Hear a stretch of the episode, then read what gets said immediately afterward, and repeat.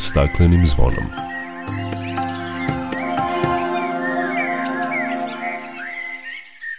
Dobar dan i dobrodošli na Zeleni talas prvog programa radija Radio Televizije Vojvodine. Ja sam Dragana Ratković. Za nevreme koje je proteklih dana zahvatilo region i našu zemlju spominje se termin superćelijska oluja – Čućete šta se podrazumeva pod tim apokaliptičnim nazivom i da li je to upozorenje na prirodne nepogode koje možemo sve češće da očekujemo, a čućete i šta donosi integrisani nacionalni energetski i klimatski plan Srbije do 2030. sa projekcijama do 2050. koji je na javnoj raspravi. Klimatske promene uticale su ove godine i na brojnost komaraca. Zbog obilnih kiša i visokog vodostaja reka, u kombinaciji sa porastom temperature u proteklom periodu, širom regiona trenutno vlada prava najezda ovih insekata. Govorit ćemo o inovativnim metodama kako bi se smanjio broj komaraca prvenstveno zbog bolesti koje prenose. Ispričat ćemo vam i priču o akumulacionom jezeru Štikada u podnožju Velebita u Hrvatskoj gde je nakon 30 godina priroda obnovljena i jezero je postalo raj za ljubitelje prirode. Čućete i koje lokalne samouprave u Vojvodini su dobile novac za projekte u oblasti upravljanja komunalnim otpadnim vodama, a bit će reči i o ekološkim filmovima u selekciji Ecodox, koji su prikazani na filmskom festivalu na Paliću. O svemu tome više nakon pozdravne pesme. Dok priroda kraj nas plače Za vladarskim svojim tronom Tužno vele narikače Pod staklenim smo zvonom Znaj vazduha više nema Sve manje Protiv sebe ide čovek i to često bez pardona. Uništenju živog sveta Kao da su ljudi skloni. Čovek sam je sebi meta Zbog njega ovo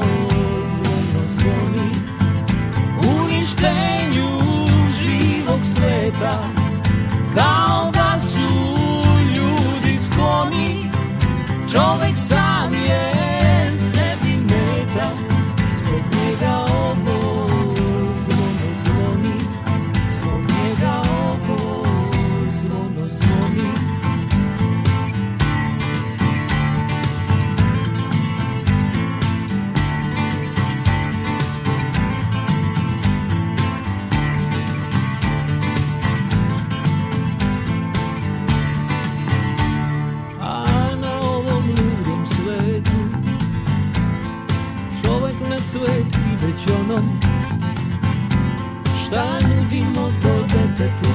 Pod staklenim kad smo zvonom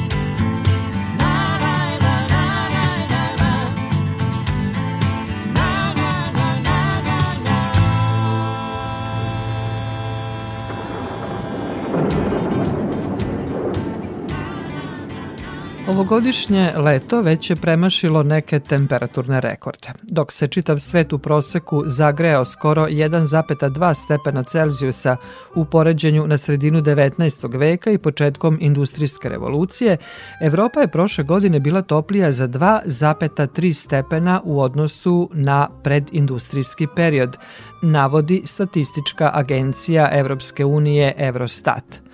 Promena klime dovodi i do učestalijih vremenskih ekstrema. Za nevreme koje je proteklih dana zahvatilo region i našu zemlju, spominje se termin superćelijska oluja koja zvuči zastrašujuće i apokaliptično.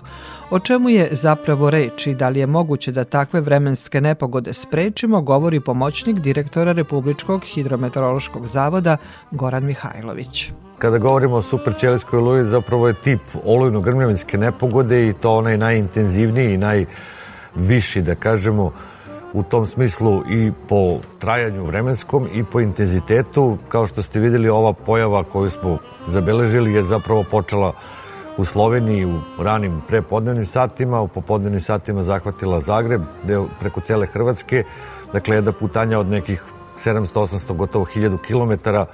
Naravno, na tom svom putu olujno-grmljavinska nepogoda ili superćelijska nepogoda je imala i nešto intenzivnije i manje intenzivne faze, ali u svakom slučaju dovoljno intenzivne i razarajuće.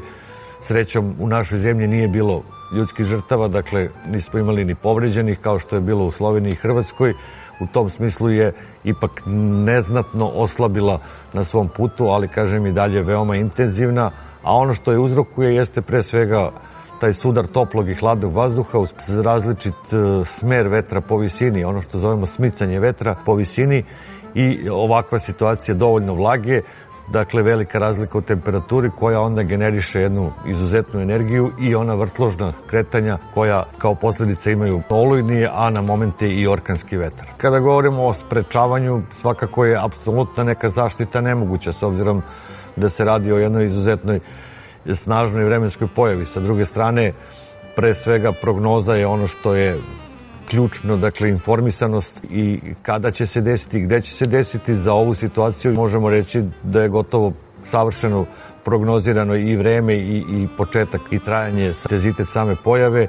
Štetu, kao što smo videli, nije pravio pre svega grad. U ovom situaciji imali smo olujni vetar i orkanski vetar koji je najviše štete načinio i u tom smislu dakle ne možemo govoriti o samo protivgradnim raketama. Sama pojava grada jeste zabeležena u nekim delovima, ali nije bila tako značajna kao recimo kada smo na području Vojvodine Vrbasa imali, da kažemo, veću štetu od grada nego što je bilo od olujnog vetra.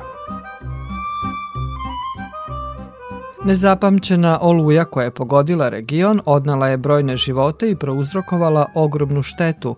Upozorenje je na prirodne nepogode koje možemo sve češće da očekujemo. Cela planeta je u klimatskoj krizi koju je prouzrokovao čovek svojim delovanjem, kaže Irena Raičević iz Beogradske kancelarije Svetske organizacije za prirodu WWF Adria različitim ljudskim delovanjima koja doprinose emisiji gasova staklene bašte, dolazi do zagrivanja planete i dolazi do pogoršavanja klimatskih promena, a uz to uništavanje prirode, neobzirno korišćenje resursa su sve stvari koje umanjuju sposobnost prirode i planete da budu otporni takođe na ovakva dešavanja.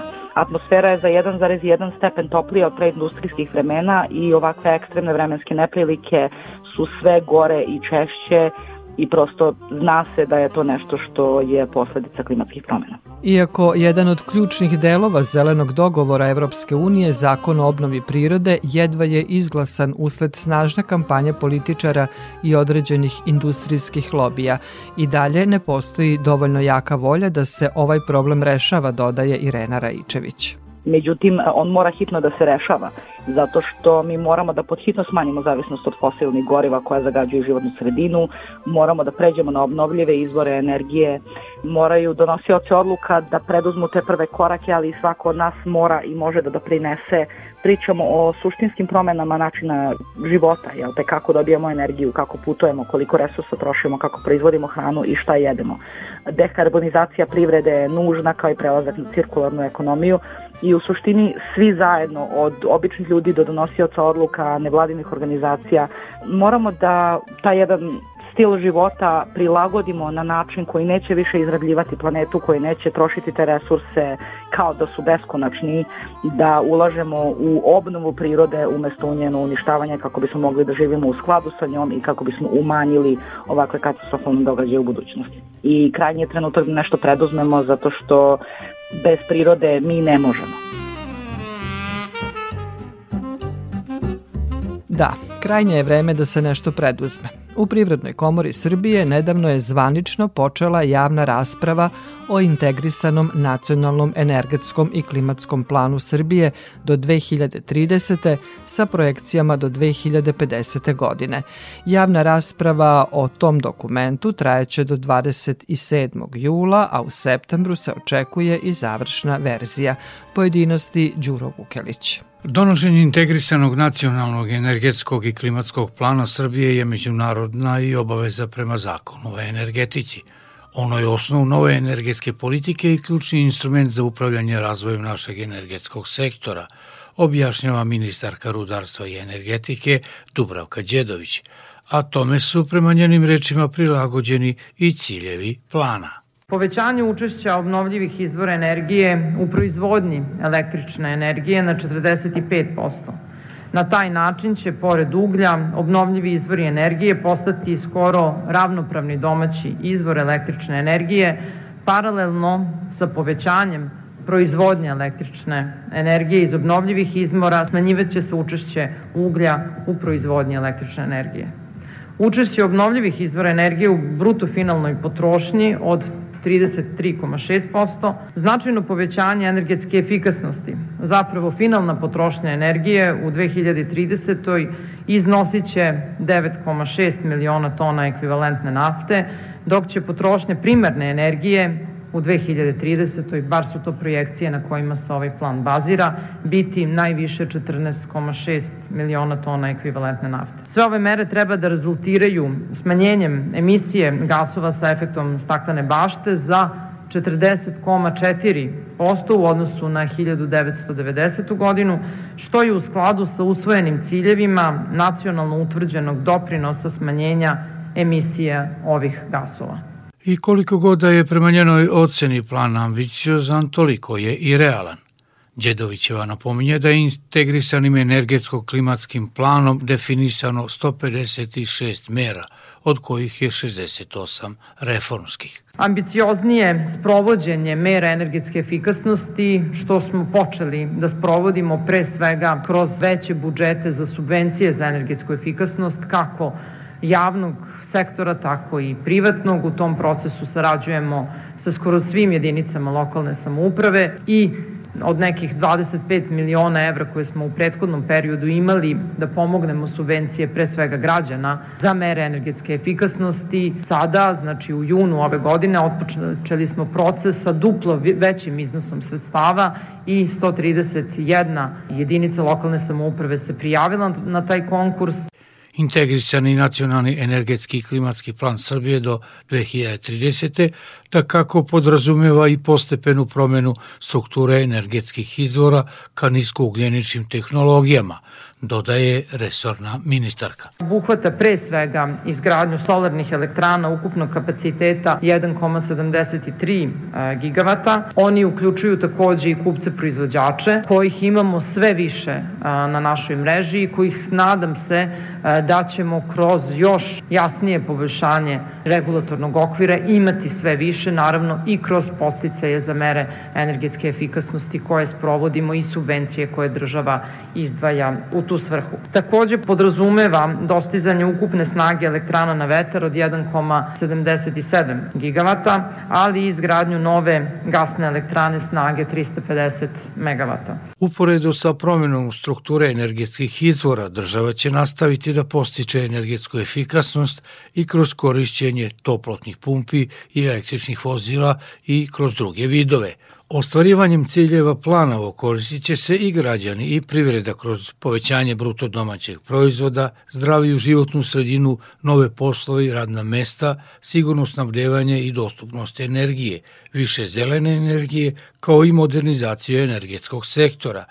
Đedovićeva procenjuje da bi za ulaganje u javni energetski sektor trebalo do 2030. da se obezbedi oko 11 milijardi evra – Računajući energetsku tranziciju cele privrede i potrebe građana, ta brojka premašuje 27 milijardi evra. Za zemlje koje poput naše dve trećine električne energije proizvode iz uglja, malo je verovatno da mogu do dekarbonizacije i zelene tranzicije bez podrške s polja. Kao jedno od mogućih rešenja, ona ističe osnivanje regionalnog fonda Zapadnog Balkana ili nacionalnih fondova, kroz koje bi celu tranziciju podržali Evropska unija i finansijske institucije.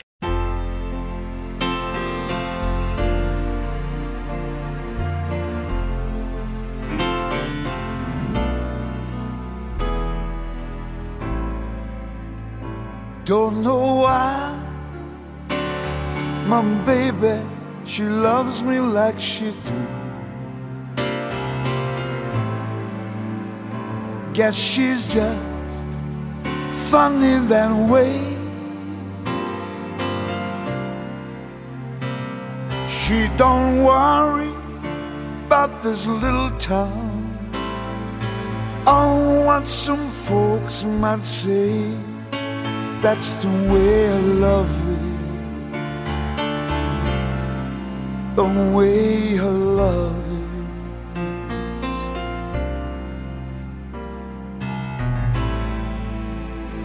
I can't imagine all my life without her. There'd be no sunshine to see. Cause she wakes me with a smile each and every day. That's just the way her love is. The way her love is.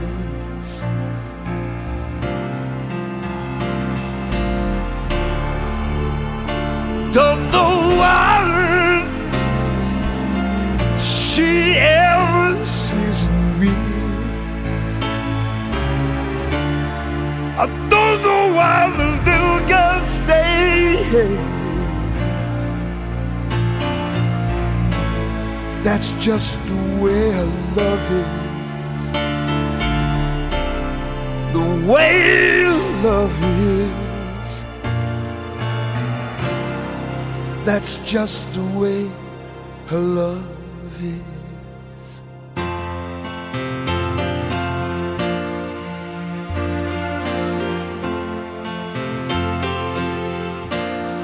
That's just the way her love is.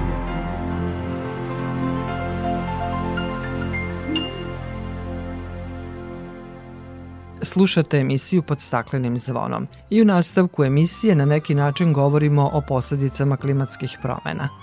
Komarci su važan deo svakog staništa. Kada su u optimalnom broju ne smetaju nikome, ali zbog obilnih kiša i visokog vodostaja reka u kombinaciji sa porastom temperature u proteklom periodu, širom regiona trenutno vlada najzda komaraca.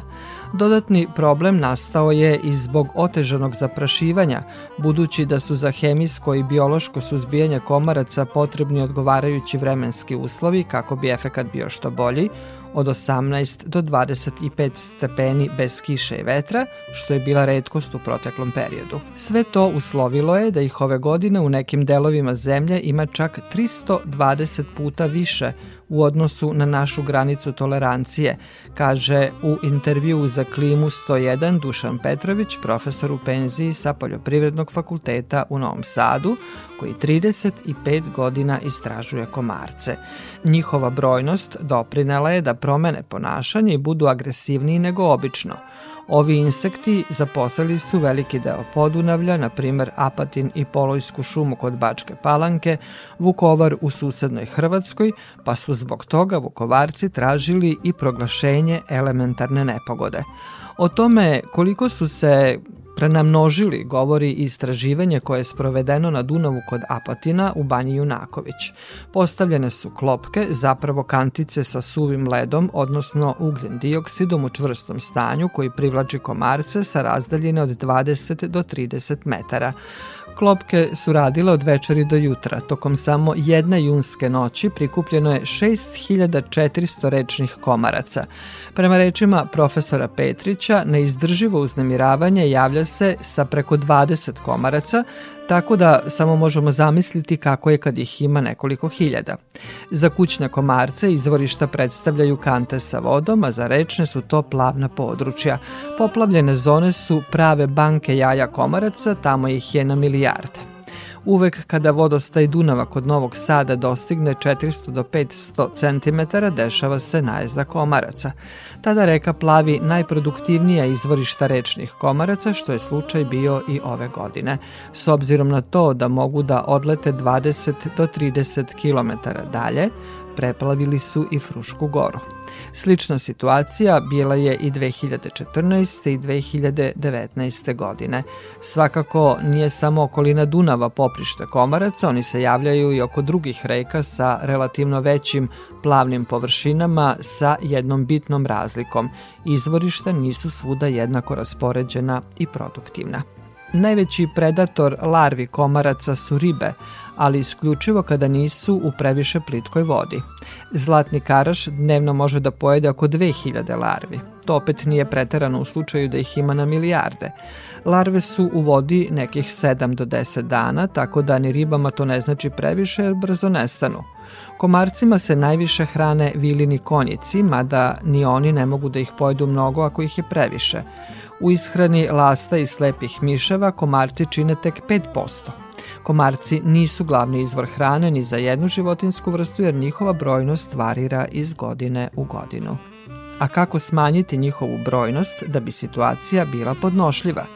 Najefikasnije je sniziti broj larvi upotrebom posebnog biološkog preparata, jedne bakterije, čiji je endotoksin veoma selektivan i praktično ubija samo komarce, dok zaprašivanje odraslih jedinki hemijskim sredstvima šteti i ostalim insektima. Zbog toga se tretmani odraslih komaraca prethodno najavljuju kako bi pčelari zatvorili pčele u košnice. Praksa uništavanja larvi komaraca zastupljena je i kod nas u Vojvodini, ali sada se koriste i neke inovativne metode. Da bi smanjili njihov broj, nadležne službe, osim standardnog zaprašivanja sa zemlje i iz vazduha, od nedavno kod nas koriste i sterilisane komarce. Stručnjaci sa Poljoprivrednog fakulteta u Novom Sadu planiraju da u životnu sredinu puste 800.000 sterilisanih komaraca na više od 40 lokacija širom grada. Ideja je da se tako smanji broj komaraca i bolesti koje oni prenose. Ova metoda pokazala se uspešnom širom sveta. Opširnije o tome Marko Brajković. Tehnika sterilisanih insekata jedna je od metoda u okviru integralnog suzbijanja komaraca. Ova metoda zasniva se na tome da se komarci masovno umnožavaju u laboratorijskim uslovima. Potom se razdvajaju polovi. Mužijaci se sterilišu x zracima i puštaju u životnu sredinu kako bi konkurisali fertilnim mužijacima prilikom paranja sa ženkama, kaže profesorica Aleksandra Ignjatović Ćupina sa Departmana za fitomedicinu i zaštitu životne sredine na Poljoprivrednom fakultetu u Novom Sadu.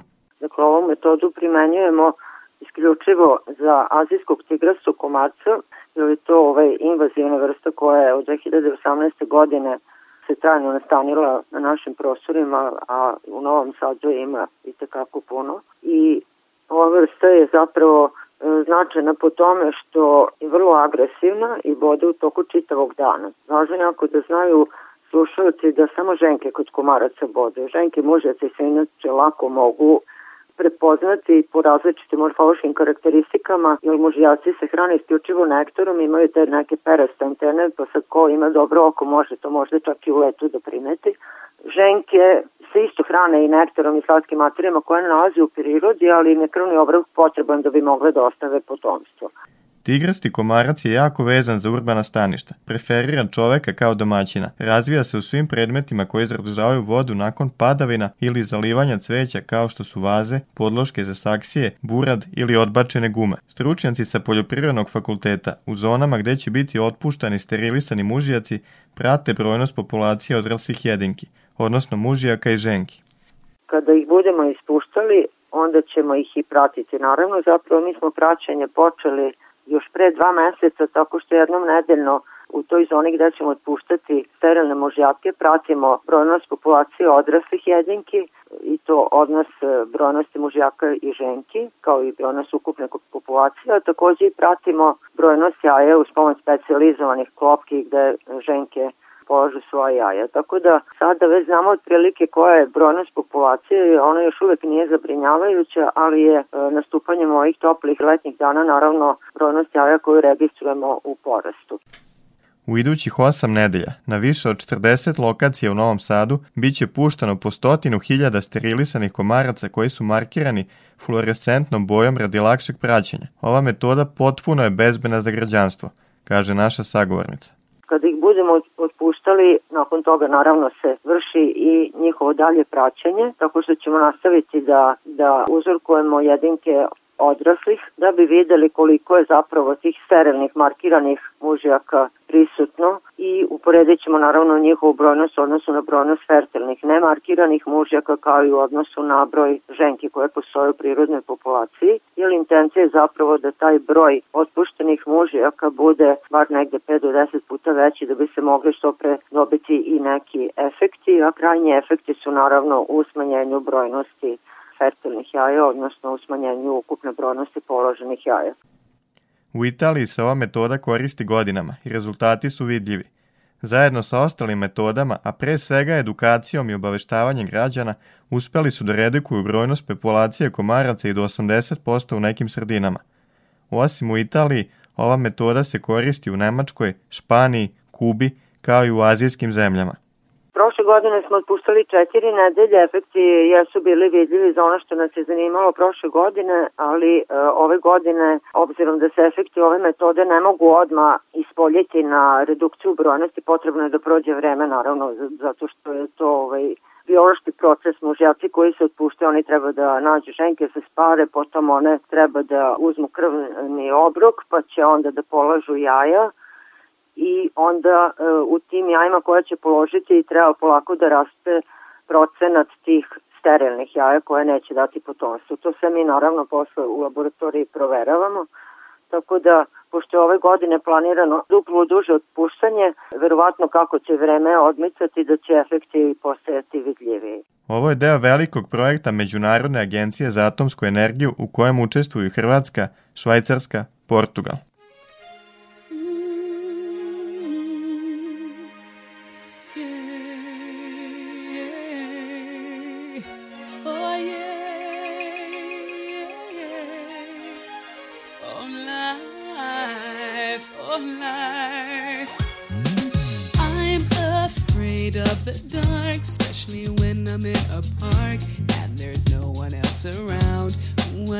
Shivers. I don't wanna see a ghost. It's the sight that I fear most. I'd rather have a piece of toast. Watch the evening news. Life, oh life, oh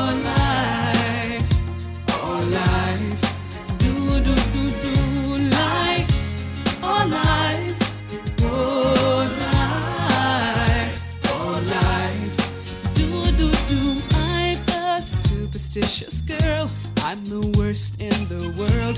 Never walk under ladders. I keep a rabbit's tail. I'll take you up on a dare. Anytime, anywhere. Name the place, I'll be there. Bungee jumping, I don't care. My, oh life, oh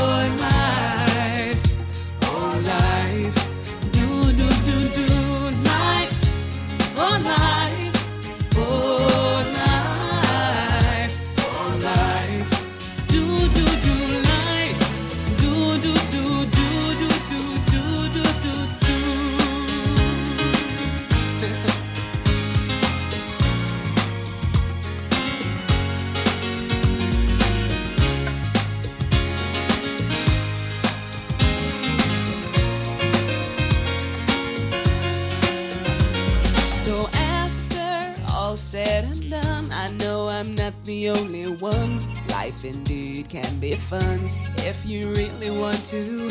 Sometimes living out your dreams ain't as easy as it seems. You wanna fly around the world in a beautiful balloon. Life, oh, oh life, oh life, oh life.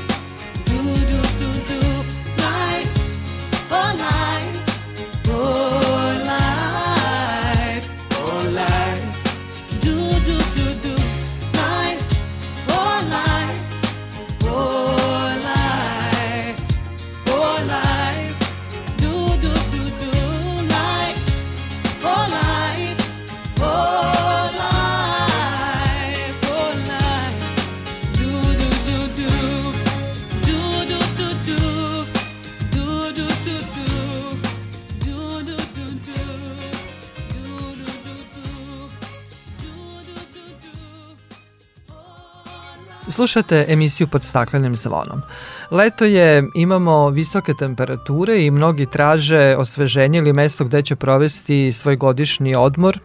Tako odlaze na reke, jezera, neki i na more, a moj kolega Vlado Matijević boravio je na akumulacionom jezeru Štikada u podnožju Velebita u Hrvatskoj, koje je, kako mi je ispričao, bez obzira što je pri nastanku ove akumulacije došlo do narušavanja prirode, Ono danas ima bogat biodiverzitet i dobar je primer održive prirode, ali i mesto za odmor brojnim ljubiteljima prirode. Vlado, dobrodošao na talase Radio Novog Sada. E, hvala vam, dobar dan. Ovoga puta kao gost. Vlado, ovo je prilika da slušalci nekako iz prve ruke čuju priču o prirodi koja je pre 30 godina devastirana izgradnjom akumulacionog jezera, a danas s vremenom priroda se revitalizovala i prema tvojim rečima sada je to jedna prirodna oaza u kojoj mogu uživati ljubitelji prirode, ali i vraćeno je bogatstvo biodiverziteta.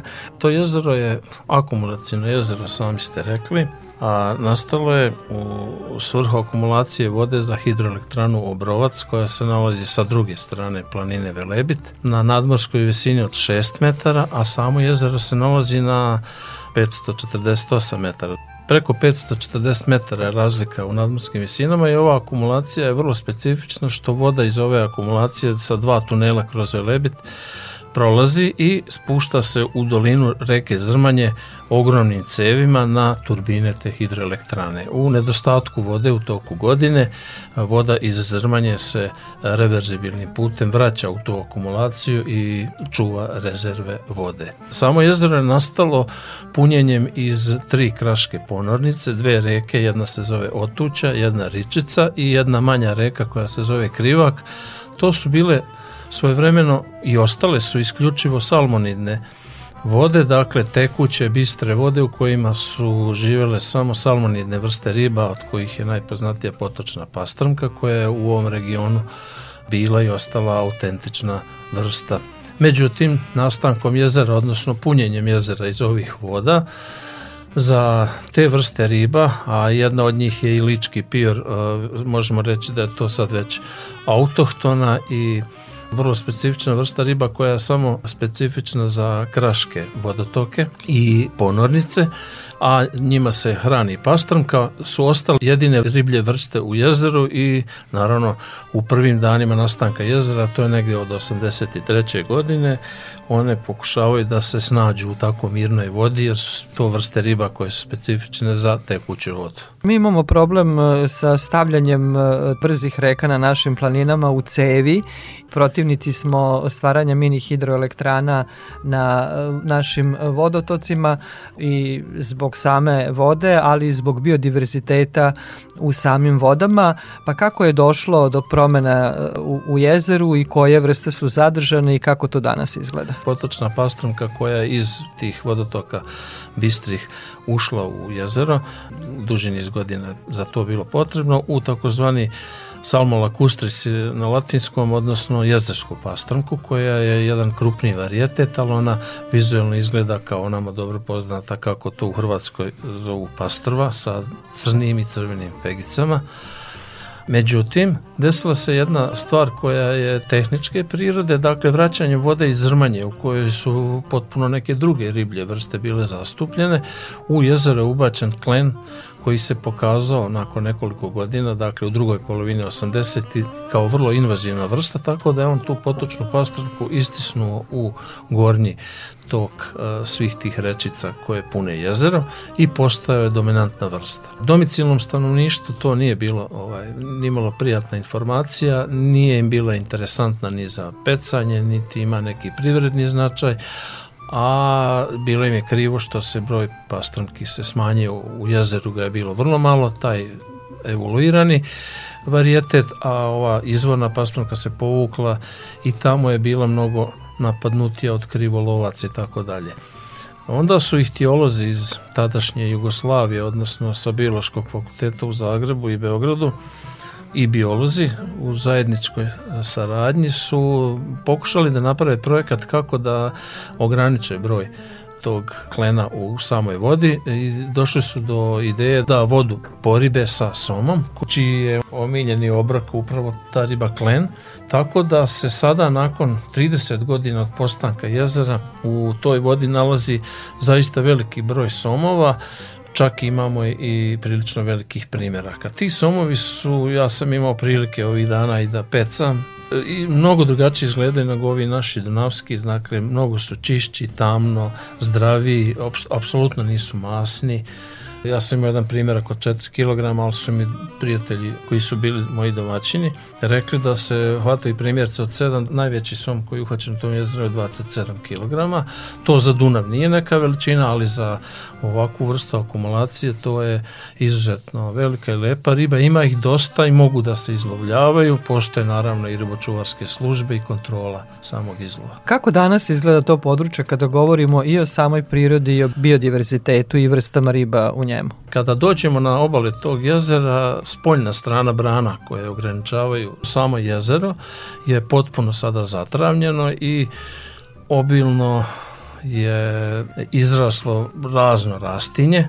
To izgleda sada kao jedno potpuno prirodno da ne kažem Alpsko jezero, zato što iznad njega dominira... Nadmorska dominira, visina je takva, da. Takva nadmorska visina je takva, a iznad i dominiraju vrhovi Velebita koji su onako stenoviti i deluje kao jedno gorsko oko, Kraško jezero i voda je mirna i izuzetno čista jer je napajana iz čistih reka. Nikakve industrije nema, nema mnogo stanovnika osim stočara i nekih entuzijasta koji pokušavaju da revitalizuju lovni i taj neki e, seoski turizam. Dakle, nema velikog pritiska, pretpostavljam da hrvatski ribolovci, a sada i sportski ribolovci, rekreativci borave na jezeru. Jeste, upravo je tako.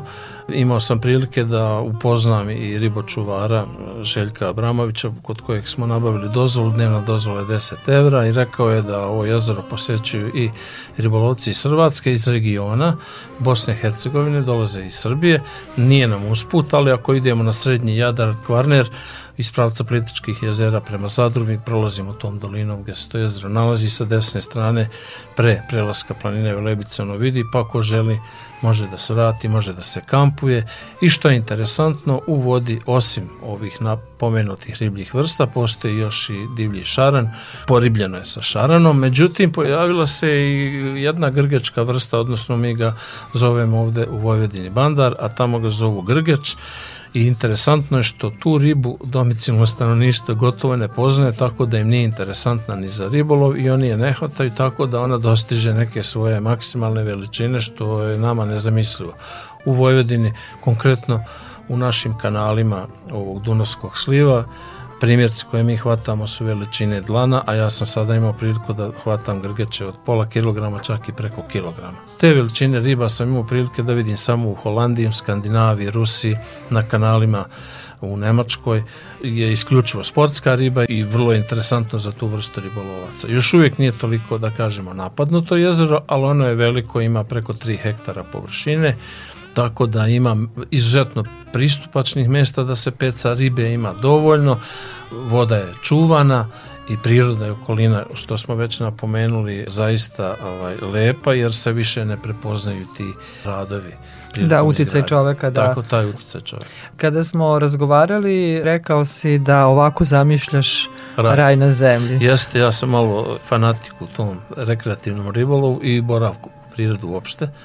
Poznat sam u društvu kao neko ko zmije hvata rukama, ribe pušta, pobornik sam tog pokreta catch and release ili uhvati i pusti.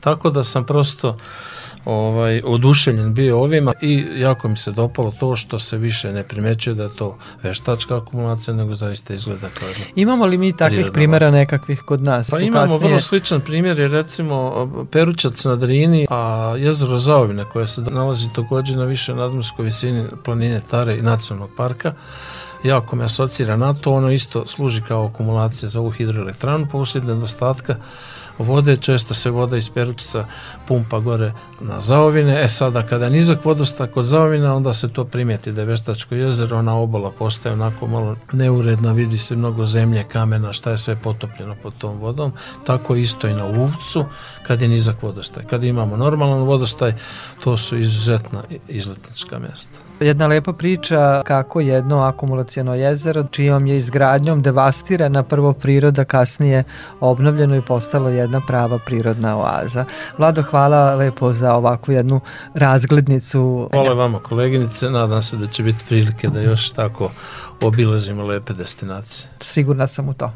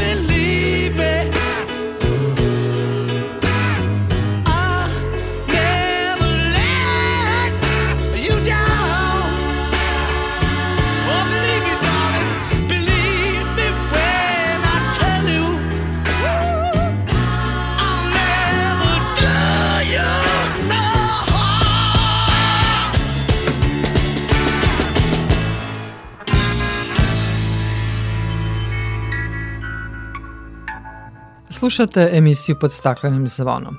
Pokrajinski sekretar za urbanizam i zaštitu životne sredine Nemanja Erceg potpisao je sa predstavnicima 12 lokalnih samouprava ugovore za finansiranje i sufinansiranje izrade projektno-tehničke dokumentacije za projekte u oblasti upravljanja komunalnim otpadnim vodama, beleži Željana Ostojić. Ukupan iznos je 50 miliona dinara, od kojih je 3 miliona 600 hiljada pripalo opštini Ruma. Novac će biti utrošen za projektno-tehničku dokumentaciju za rekonstrukciju centralnog kolektora fekalne kanalizacije, kaže predsednica te opštine Aleksandra Ćirić. I zaista je potrebno raditi rekonstrukciju ovog kolektora kako bi mi e, učinili bezbednijim našu sredinu, pre svega kako bi e, bilo stabilnije i bezbednije e, upravljanje komunalnim otpadnim vodama. Što je veoma veoma značajno za teritoriju naše opštine, pre svega za sam grad, jer se Ruma u proteklih 10 godina značajno proširila u smislu broja stanovnika i izgradnje novih stambeno-poslovnih objekata. Zahvaljujući konkursu, naselje Vilovo je na korak da dobije kanalizaciju, ističe predsednik opštine Titel Dragan Božić. Ugovor smo dobili 4 miliona dinara. E, projekat je namenjen za izradu projekta kanalizacije u naseljenom mestu Vilovo. To je jedino od naših šest naseljenih mesta u kojima nismo do sada odradili projekat, tako da mi smo time zaokružili kompletne opštinu Titel. Sredstva su dobili i Zrenjanin, Subotica, Stara Pazova, Nova Crnja, Opovo, Sečanj, Žitište, Kanjiža, Senta i Bački Petrovac. Napomenuo je pokrajinski sekretar za urbanizam i zaštitu životne sredine Nemanja Erceg, ističući značaj tih projekata.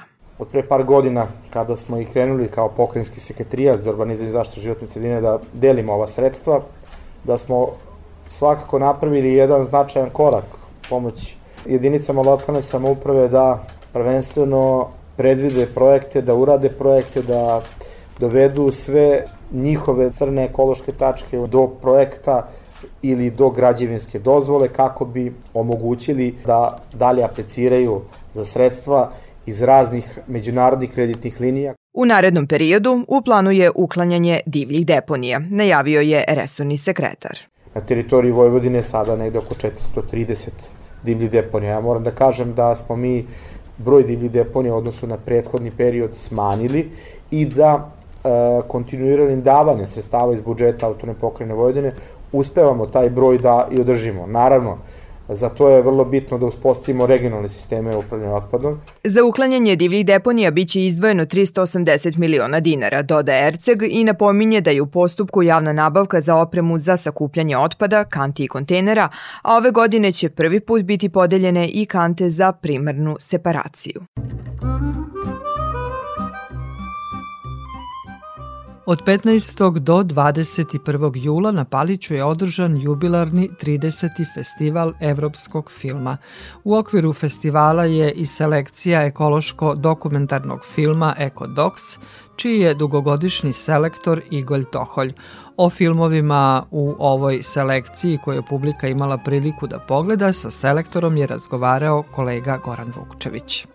Igore, hvala ti što govoriš za Radio Novi Sad. Kako si zadovoljan ovogodišnjom ponudom? Hvala vama što ste me pozvali. Što se tiče selekcije, ja sam prilično ograničen to što se tiče broja filmova, dakle šest filmova. U tom moru, dakle, filmova, ja onako pokušavam da selektujem filmove koji su prvo tematski aktuelni i koji su u okviru te selekcije od šest filmova stilski raznoliki, dakle, čiji su postupci rediteljski različiti. Sve su nekako te goruće teme ekološke na neki način zastupljene u ovogodišnjoj selekciji. Imamo jedan film koji malo od udara, dakle malo je širi, u nekom smislu se može smatrati antropološkim dokumentarcem South Wind, film koji je otvorio ovogodišnju selekciju. Dvojice autora Marka Požlepa iz Slovenije i katalonca Maksima Bertua.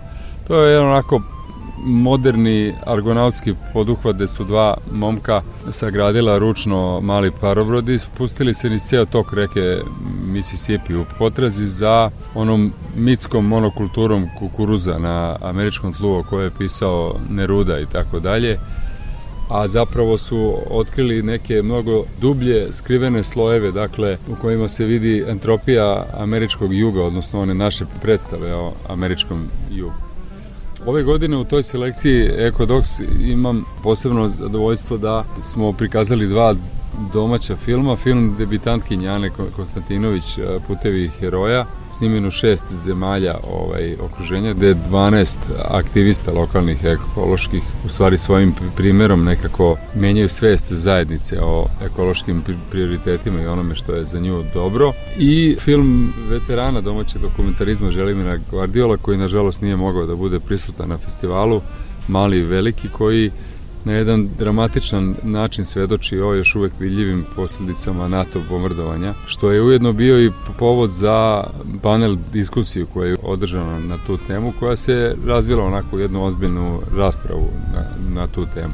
U okviru ove selekcije film Domingo Domingo o jednom živopisnom odgajivaču pomoranđe sa juga Španije koji se ukobljava s interesima multinacionalnih kompanija i na koji način se bori sa tim. Dakle, i film Moćna Afrin, tema koja je tekako aktuelna sad za nas, Dakle, o devastirajućim posljedicama koje ima izlivanje ogromne reke Brahmaputre. Dakle, to je i nama aktualno, aktualno naravno, da, kroz, si rekao, da. kroz ovaj prizmu dakle, života jedne devojčice dakle, i njene porodice, na koji način se ona sa tim bori kako uopšte u tim uslovima opstaje. Koliko po tvom mišljenju autori još uvek imaju volje da se upuste u takvu jednu borbu sa vetrenjačama, i koliko to ti zaista angažovani ekološki filmovi, koliko oni zasvrbe, da tako kažem, one koji su negativci u priči. Pošto sam dugo u toj ulozi selektora, dakle, tog programa, mogu da vidim otprilike razvoj, dakle, neku gradaciju u tom odnosu. U vreme kad sam ja počinjao da biram filmove za taj program, to su bili uglavnom apeli, e, dokumentaristi, dakle, aktivisti razni. Mi smo imali ovde tada i goste koji su bili lično uključeni u te aktivističke ovaj, poduhvate Nekima je bila i glava ucenjena, recimo Lech Kovalski je bio ovde kao reditelj filma Drill Baby Drill, koji je bukvalno od jedne velike svetske naftne kompanije bio proganjan, znači nije, nije mogao da Nije, nađe mir. Nisu ga eliminisali. Nisu, nisu, ali, ali je skrivao se jedno vreme. Dakle, u to vreme su to bili apeli ukazivanje na moguće posledice. E, sada su to tumačenja procesa koji su već uveliko u to, toku i jednostavno neki način ti filmovi imaju i neku ulogu neke društvene savesti da objasne gledalištu šta se zapravo njima dešava. Dakle, za tih 15 godina se to klatno pomerilo na dru, drugu stranu. To vi, više nisu upozorenja, apeli šta će biti ako, već šta se sada dešava i šta nam je činiti. Tako da većina filmova ima naravno filmova sa optimističkim preznakom kao što je ovaj Ways of the Heroes koji na neki način svedoči da uloga pojedinca i individualne inicijative, dakle u ekološkom smislu u lokalnim zajednicama može nešto da, postigne čak i kad je Srbija u pitanju. Jer mi vrlo dobro znamo da smo tu tanki da uvek čekamo da neko drugi nešto započne pre nas pa da se mi priključimo. U tom smislu je to jedan optimistički film što bi se i očekivalo od mladih ljudi koji su njegovi autori. Hvala mnogo. Hvala vama.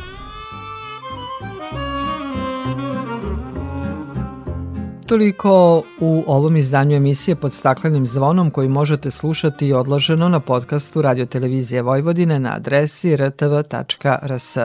Emisiju realizovali Sabina Nedić, Maja Tomas i Dragana Ratković. Naredni susret zakazujemo za sedam dana u isto vreme na zelenom talasu prvog programa radija Radio Televizije Vojvodine.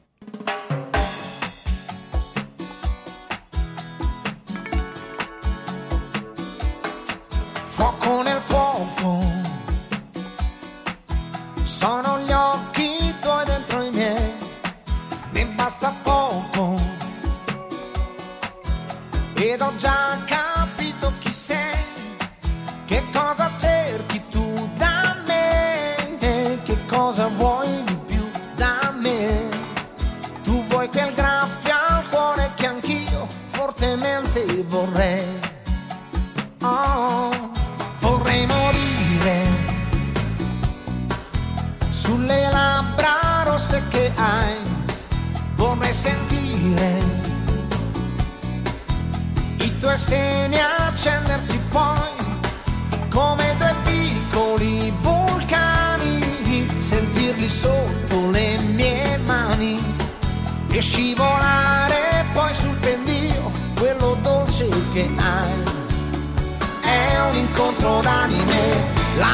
sembra perfetta per consumare la vita, io e te c'è un bisogno d'amore, sai.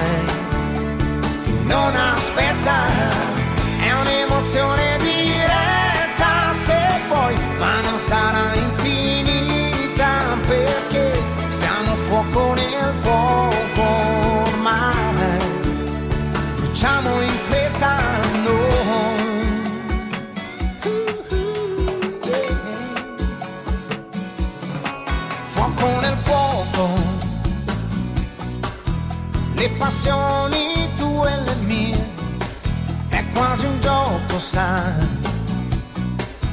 Mescolare suoni e magie per far salire l'emozione, salire fino al sole e ricadere lungo il pendio, quello dolce che hai.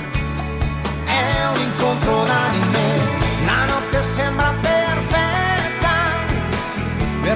mare